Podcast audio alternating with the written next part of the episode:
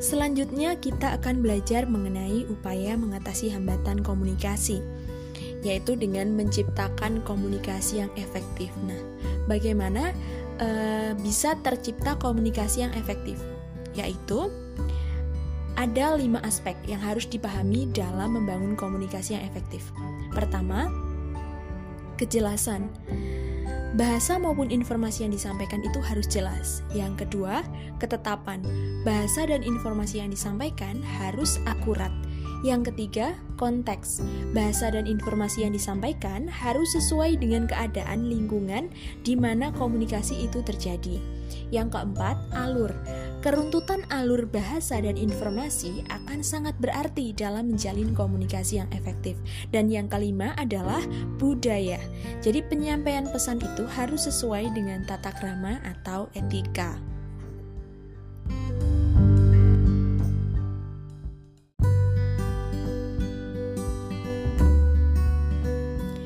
Kemudian ada persyaratan uh, yang harus dilakukan dalam membangun komunikasi yang efektif, yaitu ada tujuh syarat. Yang pertama adalah lengkap. Suatu informasi dapat dikatakan lengkap jika berisi semua materi yang diperlukan, sehingga penerima pesan itu dapat memberikan tanggapan. Yang kedua, singkat. Suatu pesan dikatakan singkat apabila diutarakan secara ringkas dan padat tanpa mengurangi maknanya. Yang ketiga adalah pertimbangan. Penyampaian pesan hendaknya mempertimbangkan dan mengutamakan kondisi dan kebutuhan penerima pesan. Yang keempat adalah konkret. Jadi penyampaian pesan hendaknya disampaikan dengan bahasa yang gamblang, pasti dan jelas. Yang kelima adalah kejelasan. Pesan hendaknya disampaikan dengan bahasa yang mudah dimengerti dan memiliki makna yang jelas. Yang keenam adalah kesopanan. Pesan yang disampaikan dengan gaya bahasa dan nada yang sopan akan meningkatkan mutu hubungan dalam berbisnis. Dan yang ketujuh adalah ketelitian. Pesan hendaknya dibuat dengan teliti serta menggunakan tata bahasa, tanda baca, dan ejaan yang benar.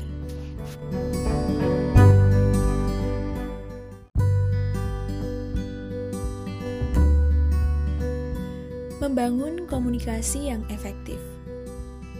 5 hukum komunikasi yang efektif, the five inevitable laws of effective communication, yaitu respect, empati, respons positif, jelas, dan rendah hati. Yang pertama, kita akan membahas tentang respect. Respect adalah sikap menghargai dan hormat terhadap setiap individu yang menjadi sasaran pesan.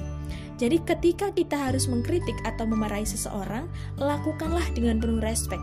Jangan sampai mengganggu harga diri dan kewibawaannya. Nah, yang kedua adalah empati.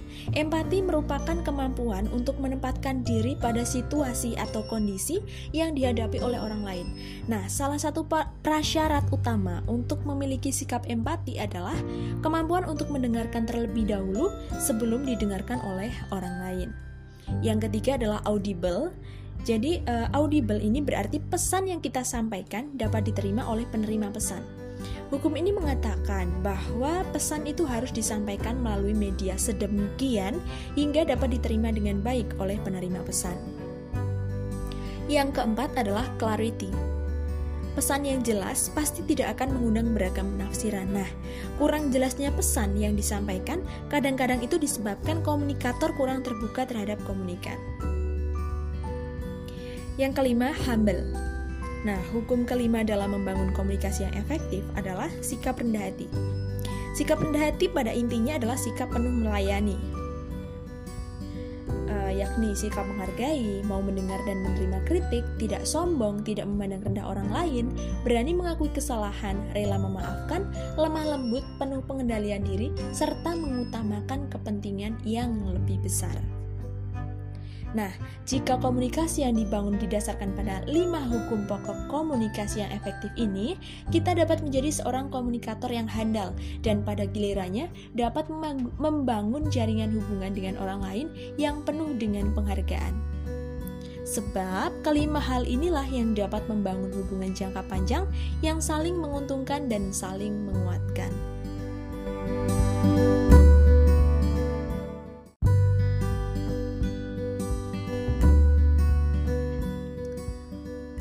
Yang terakhir, kita akan membahas mengenai teknik komunikasi efektif. Ada empat teknik komunikasi efektif. Yang pertama adalah komunikasi informatif, yaitu teknik komunikasi yang dilakukan agar orang lain atau komunikan mengerti dan tahu. Teknik yang kedua adalah komunikasi persuasif, yaitu teknik komunikasi yang dilakukan agar orang lain itu bersedia menerima suatu paham atau keyakinan, melakukan suatu perbuatan atau kegiatan, dan lain sebagainya. Teknik yang ketiga adalah komunikasi bersifat perintah, yaitu teknik komunikasi yang dilakukan agar orang itu mengikuti suatu prosedur dan aturan-aturan tertentu. Nah, yang keempat adalah hubungan manusiawi. Ditinjau dari ilmu komunikasi, hubungan manusiawi ini termasuk ke dalam komunikasi antarpersonal. Uh, di dalamnya terdapat hubungan dua orang secara dialogis. Contoh dari teknik komunikasi hubungan manusiawi ini berupa konseling. Jadi, konseling ini bertujuan membantu konseli, yakni seseorang yang menghadapi masalah uh, untuk memecahkan masalahnya sendiri atau mengusahakan terciptanya suasana yang menimbulkan keberanian untuk memecahkan masalahnya.